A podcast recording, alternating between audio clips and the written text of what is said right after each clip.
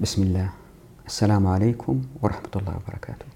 هذه الحلقة العشرين من قص الحق وهي الحلقة الخامسة في شرح فصل الخيرات. وتأخرت عليكم في هذا الفيديو عدة أسابيع. والسبب في ذلك أني كنت محتار إيش أقول في هذا الفيديو لأني وعدتكم في الفيديو السابق أتكلم عن الخلافة وتحمست وقلت أتكلم عن الخلافة لأنه جاتني الكثير من الأسئلة. تسألني طيب يا جميل الآن أنت بتقول إن طبقنا الشريعة الناس بيأخذوا الموارد بيتمكنوا. طب إيش دور الدولة؟ وإيش دور الدولة إن كانت خلافة أو دول معاصرة؟ وظهرت الكثير من هذه الأسئلة اللي وعدتكم إني أجاوب عليها. بعدين لما جيت أعمل الفيديو قلت طيب إذا عملت الفيديو الآن وجبت على هذه الأسئلة سيساء الفهم ليه؟ لأنه في بعض مفاهيم أساسية عن الأموال كيف تتحرك في الدولة الإسلامية عن المكوس عن العولمة عن الشراكة كيف تصير آلية الإنتاج حركيات تبادل للسلع مسائل كثيرة إلى الآن لم أشرحها وهي أساسية. فاحترت إيش أسوي؟ الحمد لله فصلت هذا الفيديو بحيث أنه يكون سهل وبسيط ورغم أنه ما استمرينا لسه في كتاب قص الحق إحنا لازلنا في الفصل الثالث والكتاب 18 فصل ويمكن الفيديوهات توصل للمية. فصلت هذا الفيديو بطريقة سهلة بسيطة وأرجو أن لا يساء الفهم فيها. إن شاء الله تفي بالغرض. فأرجو قبول العذر في هذا التأخير. زي ما أنتم عارفين الباحثين والمفكرين مقسومين إلى جماعتين. آه ناس يقولوا الخلافة هذه الأيام مستحيلة لأن النظام العالمي الجديد الدول المعاصرة ذات الحدود الواضحة والشعوب ذات الهويات المتمايزة عن الشعوب الأخرى بنظام اقتصادي سياسي يجعل من الصعوبة إيجاد خلافة واحدة. ناهيك عن أنه النظام العالمي الجديد قد لا يسمح بهذا ويحارب هذا. بالتالي المخرج أنه نعيش في دول وكأنها كل دولة عقار محدد طبعا عارفين عيوب هذه الدول أنه لها حدود لازم تدافع عنها وفي جيش والجيش هذا يستنهك من موارد الدول وفي الغالب قد يتحاربوا بين بعض وما يحاربوا غير المسلمين في الأطراف. وطبعا هذا منطق مرفوض لكثير من الباحثين المعاصرين نفكر بهذه الطريقة إسلامية غير إسلامية. وفي الطرف الآخر في الباحثين اللي هم يقولوا أنه والله حديث الرسول صلى الله عليه وسلم واضح ثم تكون خلافة على منهاج النبوة. يعني ستظهر الخلافة ويجب أن نستعد لها. وهذه الجماعة قد أكون مخطئ لكن مما شاهدت ورأيت من كتاباتهم وأنا ما قرأت كل اللي كتبوه لا يوجد نموذج واضح لكيف سيحكمون إن ظهرت الخلافة. في الغالب هو نظام سياسي اقتصادي معاصر لأن الظروف تغيرت الآن وباستخدام المقاصد اللي نقدناها في فيديوهات قصور العقل السابقة. ففي الغالب تكون دولة معاصرة لكن لأنها دولة واحدة وكبيرة وقد تكون فيدرالية زي الولايات المتحدة. في الغالب هذه الدولة الناس اللي فيها مؤمنين يخافوا الله يصلوا يصوموا عندهم مقدرة عالية من قول كلمة الحق في وجه الحاكم وبالتالي الحاكم أكيد يكون نزيه. فهذا النموذج اللي في أذهانهم. لكن هذول الطرفين أعتقد أنا وصعب إثبات هذا في هذه الفيديو. عندهم رؤية ما أقول غير واضحة لكن بسبب ظهور الدولة الأموية والعباسية وهذه الدول بالتدريج وظهور نمط معين سياسي الطرف اللي يرفض ظهور الدولة بيعتمد على أنه قال الله عز وجل قال الرسول صلى الله عليه وسلم مثل من أحيا أرضا فهي له. هذه ما تصلح الأيام هذه إحنا تطورنا في أنظمة وفي بلديات وفي.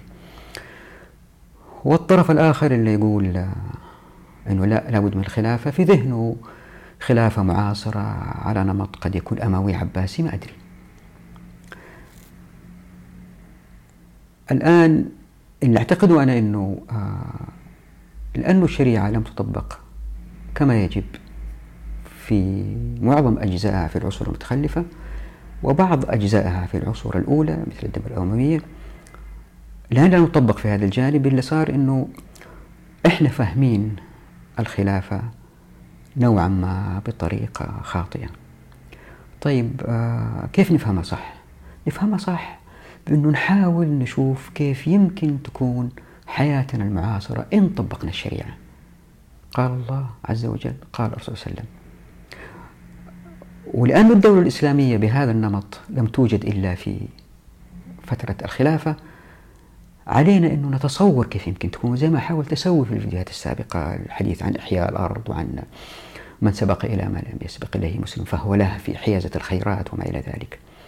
وراح أكمل هذا المشوار في الفصول القادمة إن شاء الله. طبعا هنا لابد من التوضيح أنه من أهم السهام اللي استخدموها الجماعة اللي يرفض الخلافة هو أنه اللي يدرس التاريخ الإسلامي يلاحظ بوضوح أنه لأن الأموال تتجمع من الأرجاء المختلفة في العالم الإسلامي إلى الخليفة في العاصمة فاللي بيصير أنه في الغالب تستثمر بعض هذه الأموال في رخاء العاصمة والمناطق المحيطة فيها. بينما الأطراف تبقى من غير آه، استثمارات في الخدمات والمرافق وما إلى ذلك. لذلك نلاحظ دائما العواصم في العالم الإسلامي هي الأثرى مثلا بمبانيها التاريخية زي المساجد زي المكتبات زي المستشفيات وما إلى ذلك. يعني الاستثمار في العواصم كان أعلى وبالتالي الأطراف مع الزمن إذا أهملت اللي بيصير أنه الوالي اللي عينوا الخليفة في هذه الأطراف قد يرى الأموال تأتي إليه وهي ذاهبة من بين يديه إلى السلطان و... ونفسه تقول له طيب خلاص أنا أثور وأستقل لأنه هذا في مصلحة للمنطقة هذه هو شايف بعينه الفقر الموجود في المنطقة اللي هو فيها مقارنة بالثراء في العاصمة. يروح يزور الخليفة ويشوف البذخ هناك وبالتالي يبرر لنفسه الخروج على الخليفة ويستقل. وهذا صار على مر التاريخ. إذا نظرنا إلى العالم الإسلامي نجد أنه دولة كبيرة تتقسم. يعني آه، هي الدولة الأموية اللي بقت آه، كتلة واحدة تقريبا. باقي الدول جميعها تفتتت. أوضح مثال كده محمد علي باشا أيام الدولة العثمانية استقل بمصر آه، لأنه شاف الجنود بيطيعوه لأنه هو بيعطيهم نفقاتهم ومرتباتهم فلماذا لا يستقل؟ الدويلات اللي كانت في إسبانيا ملوك الطوائف آه، حتى بيتعاونوا مع غير المسلمين على المسلمين. وهذه لها توضيح إن شاء الله يأتي لأنه بيت المال كان معمور بالأموال التي تأتي من الناس وتشفط منهم شفط آه يعني آه مثلا آه الحجاج آه في روايات أنه كان ما يسمح لبعض المسيحيين أنهم يسلموا حتى لا يقف آه، تدفق أموال الجزية إلى بيت المال. ففي هناك في التاريخ بعض الممارسات أدت إلى آه، أن الأطراف آه، تنهك وبالتالي تفكر تستقل وتستقل فكيف المخرج؟ هناك عدة حلول للخروج من آه، هذه الإشكالية ألا هي أنه خلافة بأرض قد تمتد من تركستان الشرقية إلى موريتانيا لكن آه، لا تتفتت. وسأشرح الآن مسألة واحدة ألا هي الخطة لأنها متعلقة بمسألة الخلافة وهناك نقاط أخرى أيضا ستأتي لاحقا. الخطة هي كلمة لا تستخدم في هذه الأيام لأن النظام السياسي يحاول منع استخدام هذه الكلمة لأن الخطة تعني استقلالية تامة للناس اللي ساكنين جوا الخطة. فالخطة هي مكان وهذه ذكرت في الأحاديث الرسول صلى الله عليه وسلم أخطط خطة جماعة والمؤرخين الأوائل الطبري البلاذري اليعقوبي. في كتب التاريخ استخدموا الخطة في وصف المدن الأولى للمسلمين زي الفسطاط البصرة الكوفة. ثم بعد ذلك في العصر العباسي الأموي كانوا يستخدموا كلمة إقطاع لأنه إقطاع تعني الوالي هو الذي أو الخليفة هو الذي يقطع فهو الذي يقرر. بينما الخطة شيء مختلف تماما أنه الناس الناس يجوا مع بعض يأخذوا منطقة معينة يحيوها فيخططوها فالخطة تعني مكان ذو استقلالية عالية للسكان اللي هم داخل الخطة. آه، هنا في تفصيلة مهمة لابد من توضيحها أنه القبيلة كانت كوحدة تسكن في خطة والقبيلة قبل الإسلام وفي العصور الأولى للإسلام ولا تزال إلى الآن موجودة لكن بتتفتت مع العولمة والحداثة في بعض المناطق موجودة لكن هي كانت وحدة اجتماعية واعتمد عليها الرسول صلى الله عليه وسلم والخلفاء الأوائل في الحروب في حل الكثير من الإشكاليات لأنه أفراد القبيلة يحنوا على بعض الكبير يحن على الصغير متآلفين متكاتفين. آه، فهي أداة جيدة للإنتاجية والمجتمع إن طبقنا الشريعة. لكن إن لم نطبق الشريعة فهي قد تكون كارثة. ليه؟ لأنه إن قبيلة وصلت للموارد منهم كان الحاكم مثلا أو الوالي أو قد يستأثر بالخيرات لأفراد قبيلته. وهذه نشوفها الآن مثلا إذا موظف مسك منصب بالتدريج الناس اللي يقربوا له من قبيلته يتعينوا بعدد أكبر في هذه الدائرة. يعني هناك جامعة إسلامية جامعة إسلامية. مدير الجامعة عين جميع معظم أقاربه في المناصب في المناصب الحساسة وعمدة كليات. فهذه غريزة إنسانية في معظم البشر لما يصلوا إلى منصب لا يستطيع مقاومة الضغوط التي تأتي إليهم من أقاربهم المقربين. فهناك خطورة من استخدام القبيلة كوحدة اجتماعية إن لم نطبق الشريعة لأنه يؤدي إلى أنه إذا قبيلة استأثرت بالموارد لنفسها هذا بالضرورة يعني أنه القبائل الأخرى آه، لا تستمتع بنفس الموارد. فتصير في نوع من الحزازات. والأسوأ أنه عشان المجتمع آه، يسمو اقتصاديا لابد أن تكون جميع أعضاء الجسد في الأمة صحيحة. حتى الكل يسمو. فحتى في القرية الصغيرة إذا في جماعة ما أخذت بعدل حقوقها مثل باقي الجماعات الأخرى يصير في شرخ في هذه القرية ونفس الشيء على المدينة ونفس الشيء على الأمة. نعود للموضوع. فكلمة خطة كلمة مهمة. ليه؟ لأنه هي تعني جماعة ساكنة في مكان معين. ساكنة. في توضيح آخر يأتي بعدين. ساكنة في جماعة في مكان معين وما حد يقدر يتدخل في شؤونهم الداخلية. فعندهم استقلالية عالية جدا. الآن إن نظرنا إلى الأحاديث نجد وحاولنا تطبيقها وشفنا كيف يمكن تطبق في وقتنا الحالي نجد أنها تؤدي إلى ثلاثة أنواع من الخطط أو أكثر نأتي عليها. الآن نشرح ثلاثة. ثلاثة أنواع من الخطط. خطط مكانية خطط إنتاجية خطط ولائية. كيف؟ يعني الشخص زي ما وضحت في الفيديوهات السابقة عن إحياء الأرض والجماعة يحيوا الأرض والشارع لهم هم يسيطروا عليه عشان تكون التكاليف أقل في في الخدمات وما إلى ذلك وقد تظهر شركات لتخدم هؤلاء الناس لكن هم يسيطروا عليها لأنهم هم بيدفعوا التكاليف لأنهم هم أثرياء لأنهم هم بيأخذوا الموارد. على وجه الأرض وبطن الأرض لأنهم متمكنين فتظهر خطط مكانية مستقلة.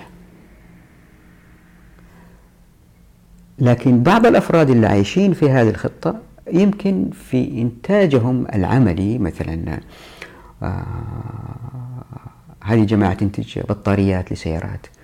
في جماعة ثانية في خطة مكانية ثانية في إقليم ثاني يمكن أو مدينة ثانية تنتج كفرات. مجموعة ثالثة تنتج تصميم سيارات. بالتالي تظهر خطط اقتصادية. هذه الخطط الاستقالية الإنتاجية كل خطة مستقلة بذاتها تماما ولا تتأثر بالخطة المكانية.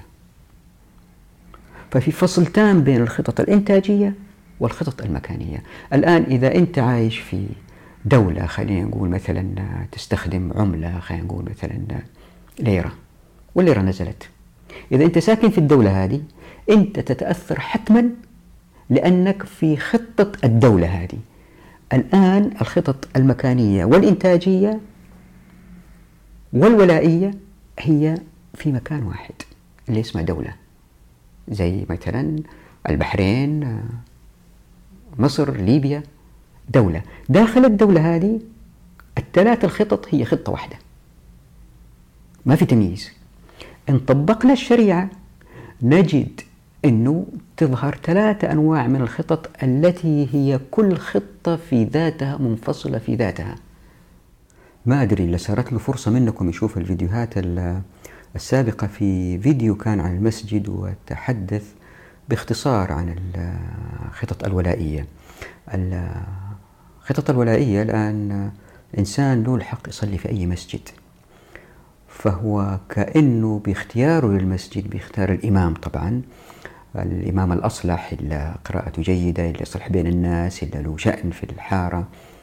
فبصلاته ورا الإمام هو كأنه بيصوت لهذا الإمام إنه أنا اخترت هذا الإمام. وإذا جاء إمام آه، ليس بذلك المستوى اللي بيصير إنه الناس بيتحولوا لمساجد أخرى زي ما هو ملاحظ. فاللي بيصير إنه المسجد اللي بيجوا ناس أكثر إمام هذا المسجد يمكن بعد ما يكون مسجد آه، حي صغير أو حارة صغيرة يصير إمام حي أكبر وبعدين يصير إمام جامع وبعدين بالتدريج يمكن يصير إمام الإقليم كله. وبالتدريج يصير في نوع من التدرج في الصعود. ألين تتكون جماعة من الأقاليم المختلفة من كل إقليم من خلال التصويت الناس اختاروا الإمام الأفضل اللي بيصير من أهل الحل والعقد. فبالتدريج الخليفة بي بيصير عنده من خلال الأفراد هذول اللي حوله آه، اللي هم أهل الحل والعقد. طبعا هو يقدر يختار بس في الغالب هو لأنه أختير من هؤلاء الناس اللي هم الأصلح لأنهم أختيروا من الأصلح واختيروا من الأصلح. بالتدريج يصير في انتقال للولاء من الفرد إلى الخليفة من خلال هذا التدرج. فهذه كأنها خطط ولائية يعني في خطة ولائية اسمها حارة. كل الناس ملتفين حول آه، مشورة مثلا آه، إمام بعدين إقليم بعدين بالتدريج. آه، هذه سأتي شرحها لاحقا لكن في خطط ولائية تتكون كأنها خطط سياسية. لكن هذه الخطط السياسية والخطط الإنتاجية والمكانية كل واحدة مستقلة في ذاتها. يعني الخطط الإنتاجية قد لا تكون خطة راكبة على الخطة المكانية لا. يمكن مجموعة تجار مع بعض أو مجموعة صناع يتفقوا مع بعض مع التجار وفي حارة معينة يصنعوا أثاث. الكنب مثلا واحد يسوي التنجيد واحد الأيادي واحد الأرجل واحد كل واحد يسوي منتج معين وواحد يركبهم على بعض. هذول خطة. قد تكون خطة منفصلة تماما عن الخطط التي تنتج كمبيوترات. منفصلة تماما عن الخطط التي تنتج مثلا آه، أدوات عسكرية أسلحة. فكل خطة قد تمتد من آه، خلينا نقول الصومال إلى مثلا الأردن أو قد تكون صغيرة جدا في حارة. لكنها مفصولة تماما عن باقي الخطط. أرجو أن لا يخطر في بال البعض أنه أنا بقول نعيد التركيبة اللي كانت على أيام الجاهلية إنه قبائل وتقاتل بعض وتحارب بعض. لا لا لا مو هذا المهدو الهدف. إن نظرنا إن شاء الله إلى هذه الخطط وكيف تشتغل هي فيها مرونة عالية جدا. قد تكون الخطة الإنتاجية منبثقة من الخطة المكانية لأنه أهل القرية كلهم يشتغلوا نفس الشغلة أو أهل المدينة بارعين في زراعة الزيتون وقطف الزيتون وتصنيع الزيتون وعصر الزيتون وما إلى ذلك. وقد تكون لا. زي عصرنا الحاضر مثلا في ناس يمكن ما انتمائهم لوظيفتهم أو مهنتهم ومصاحبة أصحابهم من نفس المهنة أريح بالنسبة لهم من مصاحبة ناس من نفس القبيلة. فاللي بيصير إنه الخطط الإنتاجية قد تتحول تصير خطط مكانية إذا سكنوا جنب بعض، حتى إذا سكنوا متفرقين عن بعض الخطة الإنتاجية مستقلة في ذاتها والناس متعارفين مع بعض، متصاحبين مع بعض. يمكن أكثر من الخطة المكانية، والخطة المكانية مش بالضرورة تكون لقبيلة معينة، لا. في التاريخ الإسلامي في حارة للأكراد، حارة لل الحنابلة حالة حارة للنجارين حالة مختلطة يعني حارة مختلطة. مثلا في الجيش اللي فتح الفسطاط في مناطق ساكنين فيها كخطط كانت في خطة آه، أهل الراية. وهذه الخطة كانت من جماعات مختلفة ما هم تابعين لقبيلة معينة. وفي خطة الأخلاط اللي هؤلاء الناس اللي هم آه، ما لهم قبائل وأسلموا من جهات مختلفة وتجمعوا في هذه الخطة. ففي مرونة عالية في هذه الخطط. كل خطة تشتغل لوحدها. وتلائم جميع الظروف والحالات الاجتماعية والسياسية. يعني نفس أفكار الشرعية هذه آه، إذا طبقت في أمريكا الآن تشتغل وتؤدي إلى بيئة بإنتاجية عالية من غير ظلم وباستدامة. حتى لو المسلمين حتى لو غير المسلمين هناك طبعا آه، مستمتعين بحياتهم وبيزنوا وبيسكروا. هذا موضوع آخر زي ما بينا في الفيديوهات الأولى عن التمييز بين القيم والحركيات. مسألة ثانية لازم نهتم لها ألا وهي أنه أحاديث الرسول صلى الله عليه وسلم تؤدي حبينا أو رفضنا والآيات اللي في القرآن تؤدي إلى ظهور هذه الخطط. مثلا قوله صلى الله عليه وسلم لا ضرر ولا ضرار من أحيا أرضا ميتة فهي له. من زرع في أرض قوم بغير إذنهم فله نفقته. آه، وقول مثلا صلى الله عليه وسلم أعرف عفاصها وذكاءها ثم أعرفها سنة فإن جاء صاحبها وإلا فشأنك بها. من سبق إلى ما لم يسبق إليه مسلم فهو له. المسلمون شركاء في ثلاث في الماء والنار والكلاء لا حمى إلا لله ورسوله. هذا سوقكم فلا ينقص منه ولا يضربن عليه بخراج. منا مناخ من سبق. مثل هذه الأحاديث تؤدي إلى إيجاد الخطط المكانية. وفي أحاديث ثانية تؤدي إلى إيجاد الخطط الإنتاجية مثل قوله صلى الله عليه وسلم إذا أديت زكاة مالك فقد قضيت ما عليك ليس في المال حق سوى الزكاة في المال حق سوى الزكاة من حق الإبل أن تحلب على الماء ليس فيما دون خمسة أوسق. صدقة. فيما سقت السماء العشر. وإذا خرصتم فخذوا ودعوا الثلث. فإن لم تدعوا الثلث فدعوا الربع. لا صدقة إلا عن ظهر غنى. فيما يسقى بالثانية نصف العشر. لا جلب ولا جنب ولا تؤخذ صدقاتهم إلا في ديارهم. لا يدخل الجنة صاحب مكس. لا يبيعن حاضر لباد. دعوا الناس يرزق بعضهم بعض. لا تبع ما ليس عندك. من كتم علما بعلمه جاء يوم القيامة ملجما بلجام من النار. اطلبوا الرزق في خبايا الأرض. البايعان بالخيار ما لم يتفرقا. إذا وقعت الحدود وصرفت الطرق فلا شفعة. طبعا ما ننسى ثلاث آيات مهمة هي تفصل النظام الاقتصادي في الأمة ألا وهي قوله تعالى أعوذ بالله من الشيطان الرجيم. إنما الصدقات للفقراء والمساكين والعاملين عليها والمؤلفة قلوبهم. وفي الرقاب والغارمين وفي سبيل الله ابن السبيل فريضة من الله والله عليم حكيم. وقوله تعالى في سورة الأنفال واعلموا أن ما غنمتم من شيء فأن لله خمسه وللرسول ولذي القربى واليتامى والمساكين وابن السبيل. إن كنتم آمنتم بالله وما أنزلنا على عبدنا يوم الفرقان يوم التقى الجمعان والله على كل شيء قدير. وقال تعالى في سورة الحشر أعوذ بالله من الشيطان الرجيم ما أفاء الله على رسوله من أهل القرى فلله وللرسول ولذي القربى واليتامى والمساكين وابن السبيل كي لا يكون دولة بين الأغنياء منكم. وما أتاكم الرسول فخذوه وما نهاكم عنه فانتهوا. واتقوا الله إن الله شديد العقاب. هذه الأحاديث وهذه الآيات إن طبقناها زي ما حاول أثبت إن شاء الله. رغما عن الجميع ستظهر خطط مكانية زي ما شفنا في الحديث الأولى تكلم عن المكان الإحياء وخطط اقتصادية زي ما شفنا في الأحاديث اللي يليها عن الصدقة والزكاة اللي صار إنه بعض الباحثين المفكرين بالرجوع لحديث الرسول صلى الله عليه وسلم أنتم أعلم بأمور دنياكم قالوا لا آه، إحنا ما نلتزم بهذه الأحاديث يعني شككوا في بعض هذه الأحاديث بالرغم أنها صحيحة. ليه؟ قالوا والله في فرق الرسول صلى الله عليه وسلم قال الحديث هو حاكم ولا نبي؟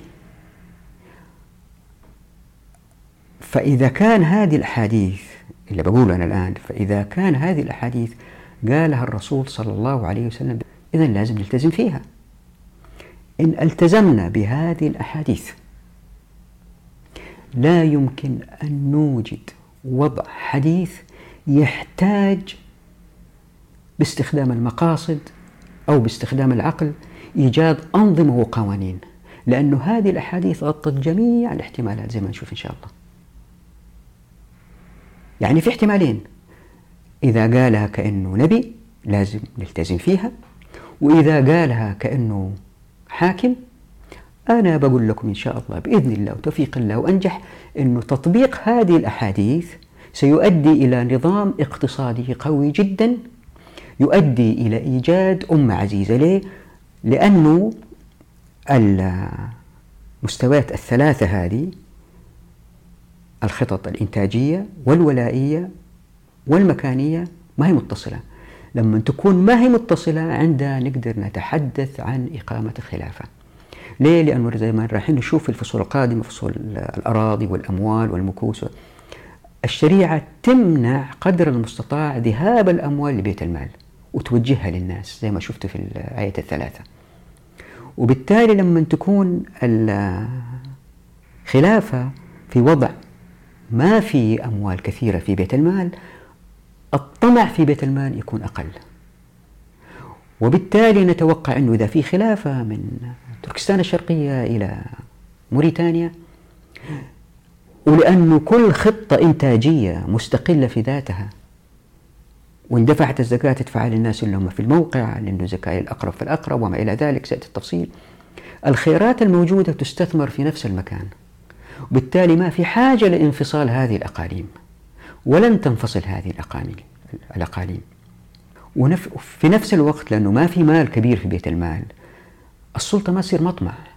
ليه؟ لأنه السلطان ما بيده الكثير من القرارات غير وظيفتين رفع راية الجهاد وهذه سيأتي تفصيلا إن شاء الله والحكم بين الناس. إذا نظرت لجميع آيات الحكم تجد أنها تقول للرسول صلى الله عليه وسلم وأنا أحكم بينهم.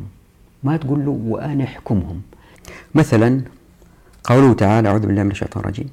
سماعون للكذب أكالون للسحت فإن جاءوك فاحكم بينهم أو اعرض عنهم. وفي آية ثانية أعوذ بالله من الشيطان الرجيم. وأنزلنا إليك الكتاب بالحق مصدقا لما بين يديه من الكتاب ومهيمنا عليه فاحكم بينهم بما أنزل الله. ولا تتبع أهواءهم وفي قوله تعالى وأن احكم بينهم بما أنزل الله ولا تتبع أهواءهم واحذرهم أن يفتنوك. وفي قوله تعالى يا داود إنا جعلناك خليفة في الأرض فاحكم بين الناس بالحق ولا تتبع الهوى. يعني كل حكم بغير ما أنزل الله هو هوى زي ما وضحنا في قصور العقل. وإذا نظرنا مثلا لصحيح البخاري نجد أن الأحاديث اللي نقدر نستشف منها دور الخليفة إن وجد خلافة إن شاء الله هو محصور في الحكم بين الناس في المغازي. مثلا زي ما أنتم شايفين الأحاديث في صحيح البخاري عن دور الدولة أو الخليفة محصورة في الزكاة في المظالم في القضاء في الشهادات في استتابة المرتدين في الجهاد والسير. فرض الخمس الجزية الموادعة المغازي الحدود المحاربة الديات الصلح الإكراه. وهنا في توضيح بسيط للجماعتين الجماعة اللي تقول تستحيل الخلافة الأيام هذه والجماعة اللي تقول لابد من الخلافة. الجماعة اللي تقول لابد من الخلافة إذا كان لاحظت أنه في الفقرة الفائتة بينت أنه مهام الخليفة محصورة في مناطق معينة يعني لا تتدخل في الخطط الإنتاجية والمكانية. طبعا هذا يمكن يزعل اللي يريد خلافة والخليفة قوي ويفعل ما يشاء. اللي أقوله هو الآتي للخليفة أن يسن ما يريد من القوانين. لا يفعل ذلك. لكن لا يسن قوانين تصطدم مع الأحاديث اللي قالها الرسول صلى الله عليه وسلم. يعني مثال زي ما شفنا في إحياء الأرض ثلاثة أئمة قالوا الإحياء من غير إذن الإمام لا يصدر لنا قانون يقول لا إلا بإذن الإمام. لا يصدر قانون يقول تغيرت الظروف والله نقدر نتعامل بالربا. طبعا هو لن يفعل ذلك لأنه خليفة. لكن اللي يصير يمكن بعض اللي من حوله يقولوا له والله لا من باب المقاصد وتغيرت الظروف نحتاج استحداث أنظمة وقوانين. وهنا زي ما مرارا كررت وقلت إنه أحاديث الرسول صلى الله عليه وسلم لما تشتغل مع بعض تغطي جميع الاحتمالات. ويصير دور الخليفة منحصر في هذا اللي قام فيه الرسول صلى الله عليه وسلم. وهنا نأتي للجماعة الأخرى التي لا ترى إقامة الخلافة وتقول كيف يعني الأيام هذه في التعاملات التجارية؟ ظهرت حاجة اسمها البلوك تشين ولا بيتكوين وكل هذا التقدم. وانت جاي تقول لي نأخذ الزكاة من الناس في ديارهم ولا جلب ولا يعني لما تشوف الأحاديث يقول كيف الأحاديث هذه تشتغل هذه الأيام؟ إلا أقول أنتظروا. زي ما راح تشوفوا مثلا في حكاية البلوك تشين هي أساسا وسيلة لربط الناس مباشرة بدون وسطاء وإحداث الثقة بينهم. زي ما تشوفوا إن شاء الله في شركة الوجوه وفي أنواع الشركات الأخرى وفي الفصل والوصل الشريعة توجد من خلال الخطط الإنتاجية شبكات من الخطط هذه المتصلة مع بعض واللي فيها موثوقية عالية حتى أحيانا تصل للتعامل من غير النقود بالتبادلات بالمنتجات مع إحداث الفرق بعدين كم لك كم لي. المهم تفاصيل. هذه الأحاديث لأن ما اشتغلت الآن ما إحنا عارفين كيف يمكن تطبق لأنها لم تطبق أساسا. فما ما ما يعني ما ما نستخف بهذه الأحاديث لأن هي أساسية وسهلة وبسيطة. وهذا إعجاز يا جماعة الخير. إن شاء الله زي ما تشوفوا في الفصول القادمة المستعجل يقرأ. هذه الأحاديث تؤدي إلى استحداث هذه الخطط المكانية والإنتاجية والولائية اللي هي فيها مرونة عالية ولا فيها دفع للناس حتى يتحركوا في جميع الاتجاهات تحرير الناس. وزي ما إن شاء الله يجي في الفيديوهات القادمة أنه إن طبقنا هذه الأحاديث وهذه الآيات نجد أنه من الصعب على الأموال أن تتجمع عند الحاكم اللي يرسلها للخليفة وبالتالي آه تكون دولة. وبالتالي احتمالية أنه خلافة واحدة تتفتت إلى أجزاء احتمال صعب. هنا خليني أسوي تحدي بسيط يعني. أنا أبغى واحد بس وعملت التحدي هذا مرارا كان في مؤتمر في إسطنبول على عن المقاصد وكانوا في عتاولة الفقهاء في المقاصد ومسكتهم واحد واحد وتفاهمت معاهم وحاولت أقنعهم يا جماعة الخير خلونا في مسألة المقاصد هذه. أحاديث الرسول صلى الله عليه وسلم أتت كافية شافية ما نحتاج فيها لأي اجتهاد بالمقاصد لأنه لما بتجتهدوا بالمقاصد وبالسياسة الشرعية وما إلى ذلك الكف بتميل لصالح الدولة والصلاحيات بتزيد مساحتها عند الدولة بالتالي يظهر الخلل. ومتى ما ظهر الخلل الأمة تتفتت ولا الأمة تتخلف. آه، والقرآن الكريم يعترف بهذا الشيء يعني واضح من قوله تعالى أعوذ بالله من الشيطان الرجيم. وإن طائفتان من المؤمنين اقتتلوا فأصلحوا بينهما. فإن بغت إحداهما على الأخرى فقاتلوا التي تبغي حتى تفيء إلى أمر الله. فإن فاءت فاصلحوا بينهما بالعدل واقسطوا. إن الله يحب المقسطين. الآية واضحة. بتصف جماعتين. اقتتلوا بالمؤمنين. طيب كيف تكون في خلافة وجماعتين اقتتلوا؟ هذا قد يحدث لأنه في خليفة واحد في إيده زمام أمور الحكم بين الناس بالشريعة وفي إيده زمام العلاقات الخارجية ورفع راية الجهاد. لكن إن طبق هذا الخليفة الشريعة يجد أنه ما له علاقة كبيرة في تدبير أمور الناس في آه، الخطط الاقتصادية الإنتاجية والمكانية. هذه متروكة للناس اللي ساكنين. فالآية تصف جماعتين اقتتلوا من مؤمنين. يعني جماعة في خطة وجماعة في خطة ثانية.